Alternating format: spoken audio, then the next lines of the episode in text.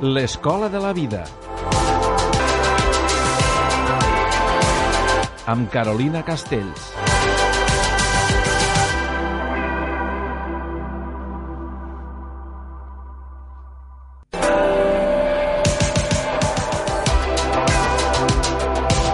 És dijous, són les 11 i mitja, uns quants minutets ens separen del punt de les 11 i mitja, més ben dit.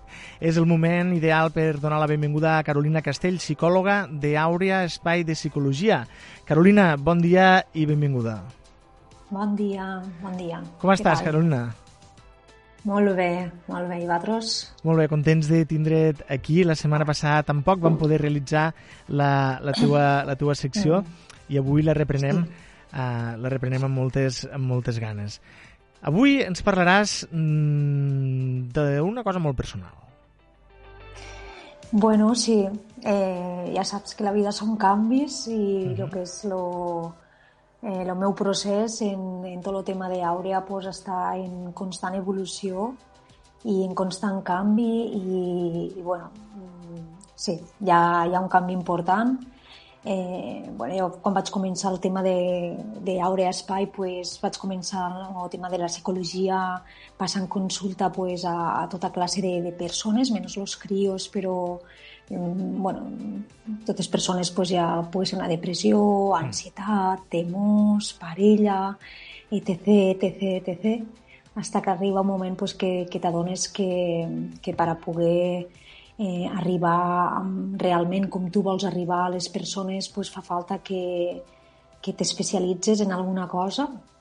I bueno, pues ja fa dos anys que, que va el que és Àurea i pues, m'adono d'esta necessitat, no? I llavors pues, ha sigut uns dies de, de, de, bueno, de prendre consciència que és allò que, que realment pues, vibro en, en una sintonia, en una freqüència més alta.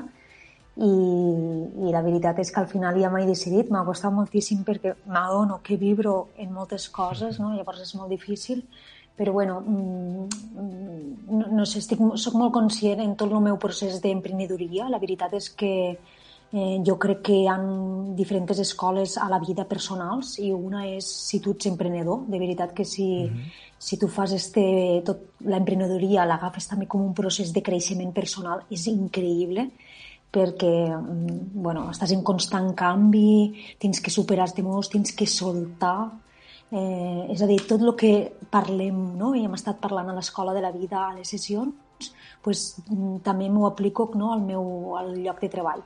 Per tant, és molt, molt, molt difícil, no? perquè tens pues, això, que sortir de la teva zona de confort, especialitzar-te en una cosa, i això vol dir que tens que dir adeu a, a altres aspectes i en el meu cas pues, ja he començat a, pues sí, algunes persones pues, a dir-los que, que, que no, que a partir d'ara pues, jo ja no me dedicava a, a aquell tema en concret per a poder dedicar-me a, a lo que sí que he escollit, que és eh, bueno, tot el que són relacions de parella eh, en les quals estan dones, sobretot, que estan patint. És un tema molt, molt, molt recurrent. Inclús la majoria de persones que venien a consulta, jo he estat mirant també i moltes, el motiu de la consulta era este.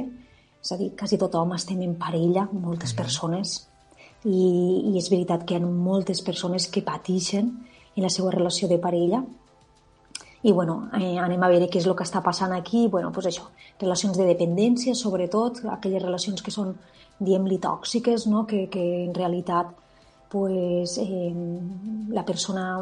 hi ha una addicció a, a, a lo que és l'altra persona, no? perquè realment eh, ja sabem que les relacions de parella mai és tot superfeliç i bé, sinó que hi ha, pues, hi ha discussions i això està bé, està, són coses que bueno, passen i és normal, però hi ha moltes altres ja que és un patiment, mm, molt patiment, molt patiment en què inclús la, bueno, de la persona està allà baix de tot i, i pareix que sigui com un procés d'addicció. En realitat és una addicció, no? una persona que realment te fa patir. I no vull dir que aquella persona sigui la culpable d'allò, no? l'altra part de la parella, però sí que és veritat que la forma de funcionar que tu tens és com una addicció, estàs addicte a una cosa que saps que no et fa bé, però no, ha, no pots o te costa moltíssim pues, poder deixar allò.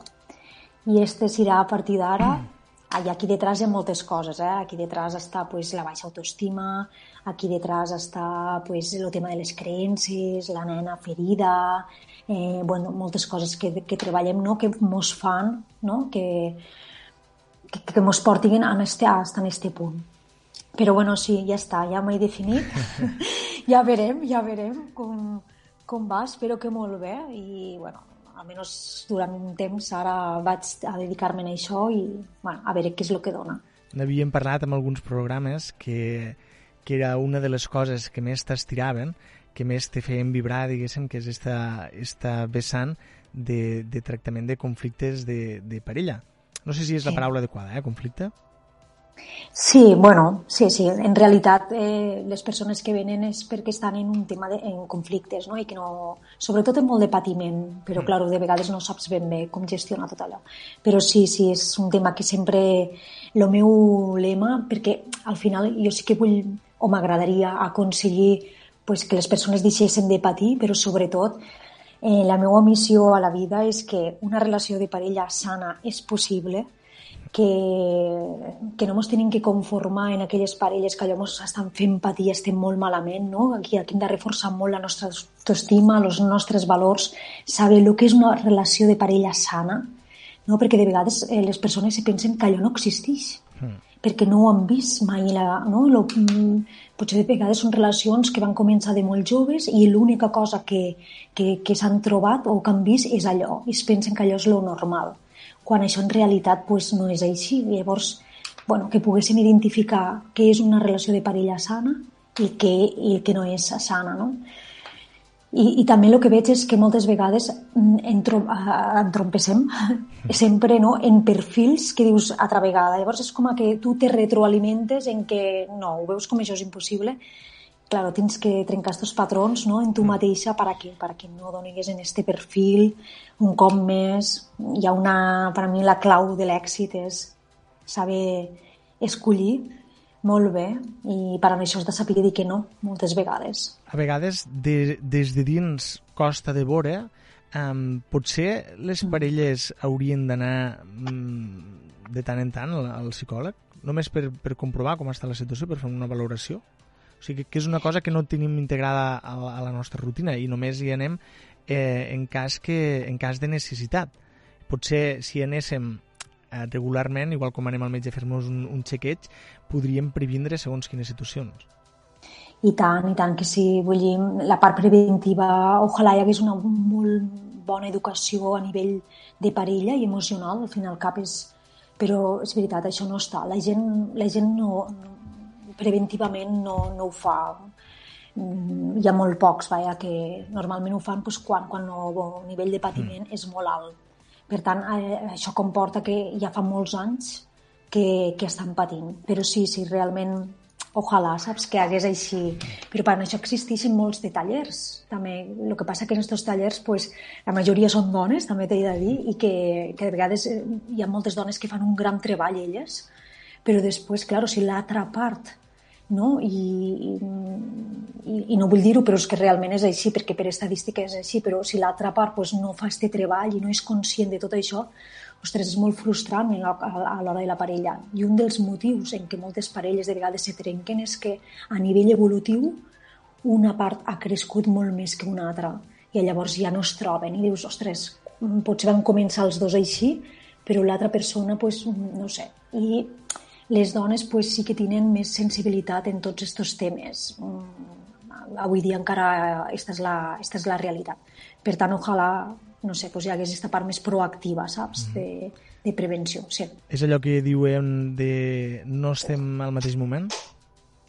Sí, sí, sí, i, i és molt difícil, eh? perquè l'altra persona desperta en algun moment, no? Hi ha un desperta i dius, bueno, vinga, vaig, que també n'hi ha molts, però si no, ostres, quan tu has donat un pas més enllà, encaixar tot allò és, mm, és complicat, és complicat perquè, mm, perquè sí, perquè tu no ets la mateixa persona de fa 10 anys atrás, no? I hi ha persones que no són les mateixes persones de... i n'hi ha que es queden igual, és a dir, passen els anys i evolutivament sempre estan igual.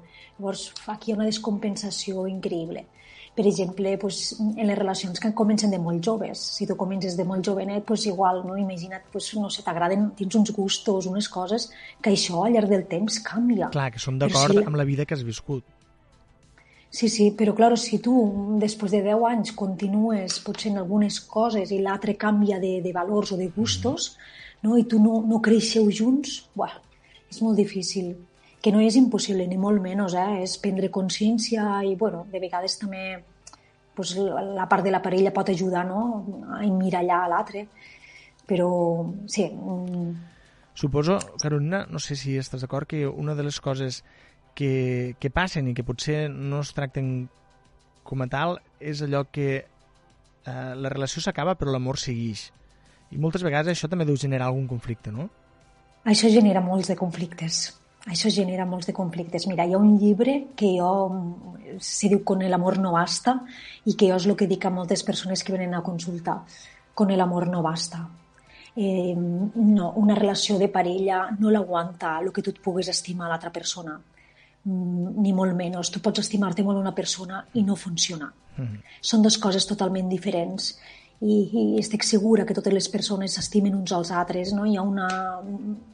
Jo estic segura que detrás però si els valors són diferents, si hi ha molts de conflictes, si hi ha problemes de comunicació i de més, és, és, bueno, és, la veritat és que, que, que, costa, que costa molt, costa molt. Vull dir que no... Són altres coses que s'han de tindre en compte i després que sobretot els balances han d'estar equilibrades. Tot això d'incondicional ja no funciona tampoc este, això que ens han venut moltes vegades, que l'amor és incondicional i que jo dono sense rebre, no? sense esperar res a canvi, en una parella això no funciona. A vegades, en una parella això no funciona. A vegades eh, se fa servir molt eh, l'amor no? com, a, com a tirita per tot, no? no? És que l'amor, és que l'amor, és que l'amor. I, I potser a vegades, més enllà de l'amor, cal fer un, un treball de fons. Sí, sí, sí, sí, eh, és així mateix. No, és que, venen, és que me l'estimo molt. No, és que jo me l'estimo, no, és que no ho dubto que te l'estimes. Mm. Però bueno, ha un termòmetre, això que has dit de les parelles abans, eh, tu tens que veure un termòmetre en tu mateixa. Com està el teu estat d'ànim? Ets feliç? Estàs contenta? Eh, estàs patint? No, si tu te'n dones compte que tot el teu termòmetre sempre està eh, en una temperatura molt alta, mm. senyal que, que, que, que, bueno, que està passant alguna cosa. I, i, i sí, de vegades és... Però després conf, confonem, eh? confonem la paraula amor també. Perquè hi ha un... Normalment, aquestes persones també hi ha una... Les persones que són així dependents, tu tens, eh, vols canviar l'altra persona. És com aquella, vull canviar, vull dir, sí que vols aquella persona, però no la vols com és no, no vols com és aquella persona, estàs en constant canvi, la, eh, tu el que vols és canviar-la, que sigui diferent, i esta és la, aquí se queden enganxades normalment aquestes dones, pensant que algun dia aquella persona canviarà, quan en realitat mmm, pues de vegades és molt difícil. És molt difícil perquè si l'altra part no pren consciència pues, mm, i no vol fer un treball, és molt difícil. I és aquí se queden enganxades sobretot en això, pensant en este, en este possible canvi i, i que això, i l'amor la, no, que hi ha detrás està allò. No és que me l'estimo, me l'estimo. Ostres, te l'estimes, sí, però uf, mm, ets feliç, t'aporta, teniu la mateixa, no sé, mireu els dos cap a un camí, ja... Mm, l'admires tu, a la persona? O què t'agrada? Jo pregunto, què t'agrada a ell? I hi ha persones que no saben què contestar de què els agrada de la, del, del que tenen al costat, és a dir, és com un ideal, però que allò no és la realitat. I bueno, Quins... però com he dit, és una, és una addicció, eh? I vull dir, hem d'agafar-ho com una addicció, estàs enganxat a una cosa que et fa mal. Quins elements són imprescindibles? Han de haure sí o sí quins ingredients perquè una relació funcioni? O no és cosa d'ingredients? Bueno, jo sobretot penso que relacionat en, en això que vull introduir-me o no, en el tema de la dependència en les dones i això, l'ingredient fonamental és l'autoestima. Uh -huh. eh, és la base de tota l'autoestima eh, i a partir d'ara jo crec que si tots els programes estan relacionats en tot això, un principal serà, serà este. Si tu te creus, no? Mm, quan tu tens valor cap a tu mateix, quan tu te, tens este respecte, mm, tens esta estima, tens este mereixement, eh, saps quins són els teus valors, saps allò que vols, el que no vols. Eh, quan tu tens tot això molt clar, quan tu no tens temors a quedar-te tot sola, a que te deixi aquestes coses, no? I tot això està reforçat en l'autoestima. Eh, tot l'altre mm, pot funcionar. Què, què mos passa moltes vegades? Perquè conflictes ja he dit que, que, que ne poden hi haure. És a dir, si les dues persones passa alguna cosa, però els dos resolen el conflicte, parlen, pot hi haure alguna discussió, però ja està. No, Mm, tu no tens a la ment, eh, tu no tens a la ment això, pues, ho deixem, ho deixem, hi ha moltes que eh, pues ho deixarem, ho deixarem, no ho tens a la teua ment, resols lo problema que tu pugues i ja està, no? És com a, no hi ha aquesta possibilitat. I hi ha moltes persones pues, que tenen aquesta possibilitat, no? moltes vegades a que ja està, s'acaba. Però n'hi ha moltes que es queden enganxades en això a que ja s'acabarà però que realment no s'acaba. Per tant, jo penso que sí que l'autoestima i tot el que porta al tema de l'autoestima. I després també una cosa important és quins patrons heretats tenim de conducta a nivell emocional i de parella. Perquè moltes vegades també repetim els mateixos patrons que nosaltres hem vist a casa.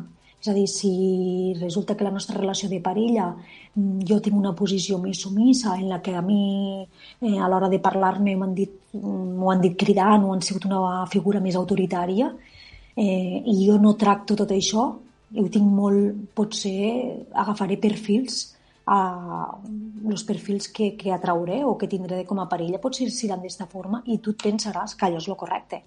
Sempre hi ha ben patiment. Mm -hmm. És a dir, aquí lo principal termòmetre és, lo, és el patiment. Però, bueno, jo, és treballar tots estos, estos temes. Per tant, l'autoestima com a element bàsic a partir del qual eh, corregir no? o, o rectificar o aprendre, si més no, aprendre. És una altra vegada allò que diem sempre, no? aprendre. Eh, necessitem tindre una autoestima força, forta, però també reforçada.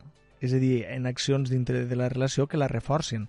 Sí que, m'imagino, eh, jo, si, si veus que no vaig bé, corregis-me, eh, Carolina, que l'autoestima és una cosa que depèn fonamentalment de nosaltres, però la creació de la qual depèn de nosaltres, però que el reforç sí que ens ve de fora, no? O no? O també ve de nosaltres? No, no, en realitat quasi, de, quasi tot ve de fora, eh? Ah, ja. En realitat quasi tot ve de fora. L'autoestima se crea eh, en el moment que ens han donat un input bueno, després molt fem nosaltres, no?, quan som més grans, però mm, segons en quin entorn tu t'has criat, mm. aquesta autoestima pot anar a, a més o a menys Mm, i normalment és això. Després tu de gran sí que pots reparar no, aquesta autoestima. Com? Mm. Fent molt conscient, és a dir, amb persones que els hi costa molt però ho aconsegueixen i mitjançant tu vas aconseguint coses a la teua vida, objectius, no? tu et planteges objectius i els vas aconseguint, tu pots anar reforçant aquesta autoestima. Però quan som petits, el que és el tema de l'autoestima és l'entorn realment qui mm, t'ajuda a, bueno, si vius en un entorn més negatiu, doncs imagina't, cada cosa que fas, doncs, allò és impossible no, que tiri endavant. Mm, I de vegades hi ha persones que tot i aconseguir coses, no? Vull dir, quantes persones crios hi ha que, jo que sé, trauen notables i, i els pares doncs, és com allò te faltava l'excel·lent, eh, no? que sempre està... Vull dir que també n'hi ha molts així i molts altres que ha doncs, que, que tot és com a molt negatiu. Sí. Per tant, sí, sí, és l'entorn qui acaba, mm, us acaba reforçant, almenys quan som petits. I quan som més grans, ja t'he dit, ets tu mateix qui pots, no? quan tu prens consciència, sí que pots eh, reforçar aquesta autoestima. Clar, perquè hi ha coses que, mitjançant... que són objectives. Digues. És a dir, si tu tens un, un cert èxit, no et diré reconeixement, però un cert èxit a nivell laboral, tens un cert reconeixement a nivell afectiu amb uns amics i amigues triats i que i que encaixes, no? Ja no et dic que veiguem bé tot el que fas, eh? sinó que t'hi sents bé amb ells.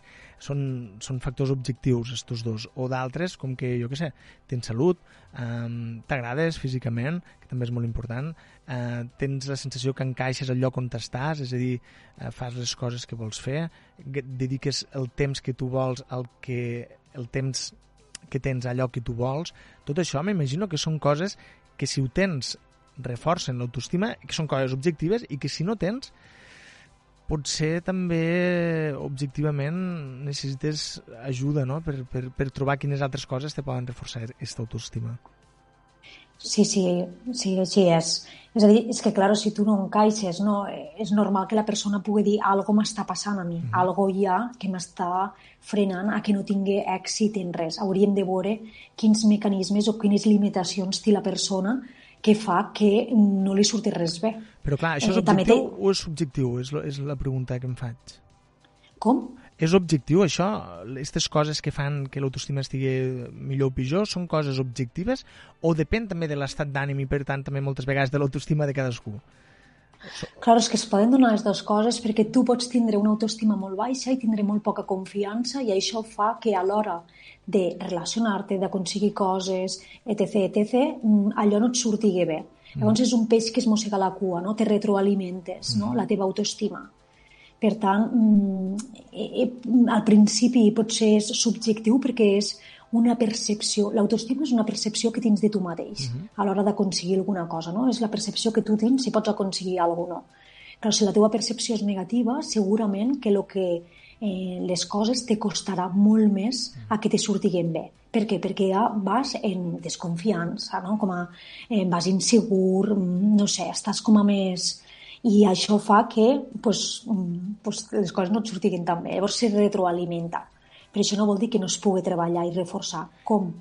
Mitjançant, pues, eh, jo què sé, pues, si l'objectiu és molt alt, pues, en petits objectius, en el tema de la imatge, en cuidar-te, en no rendir-te, bueno, no? En, i, i a poquet, poquet a poquet reforçar, reforçar aquesta autoestima. I per tant, la percepció sí que és subjectiva, però els resultats són objectius que estan en base moltes vegades a la percepció que tu, que tu tens. O sigui... Que de vegades diuen, ah, és que mala sort, quina mala sort, és que tot me surt malament, és que tot me surt malament, no? I com...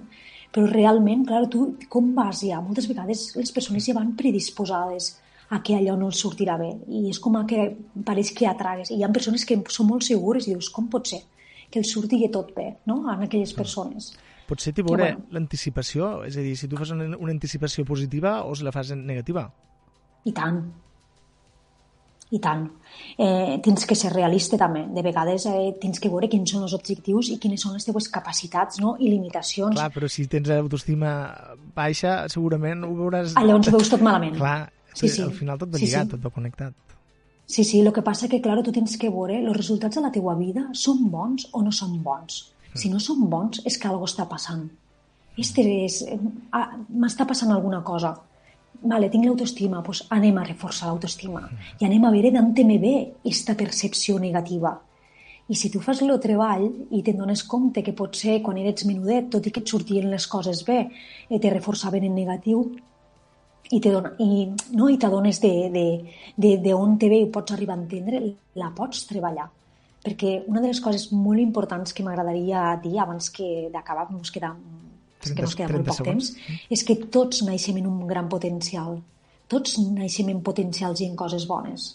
I segurament que és l'entorn que ha fet que allò pues, se queden com a tapades. Per tant, si els resultats hi ha alguna que, que no està bé, ostres, fer-ho conscient i començar-te a treballar perquè és possible i totalment segur que la pots treballar i reforçar. Tots naixem en coses bones són frases que hem de guardar com una pedra brillant a l'interior i de tant en tant mirar i veure, i veure com brilla i il·lumina la foscor que ens podem sentir a vegades envoltats. Carolina Castells, psicòloga d'Àurea Espai de Psicologia, moltes gràcies avui per aquesta conversa que han portat a l'entorn de, de, vaja, del, dels teus objectius com a psicòloga i la decisió que, canviarà una mica els propers dies la teva orientació professional. Moltes gràcies i fins la propera.